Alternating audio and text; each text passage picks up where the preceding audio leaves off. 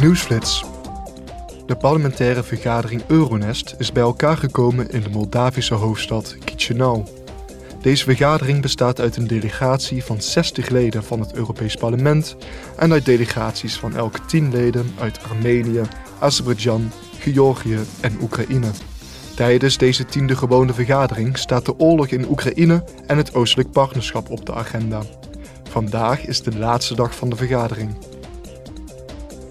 De enquêtecommissie om het gebruik van Pegasus en soortgelijke spyware voor surveillance te onderzoeken is op dit moment in Budapest, Hongarije. De leden leren daar meer over de vermeende inzet van spionagesoftware tegen journalisten, de oppositie en maatschappelijke organisaties.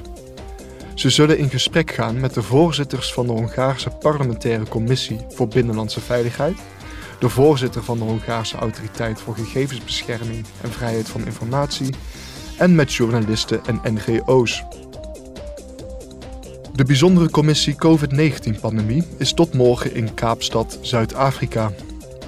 De leden hebben daar besprekingen met vertegenwoordigers van het ministerie voor Volksgezondheid en met parlementsleden die zich bezighouden met de volksgezondheid, handel en internationale betrekkingen.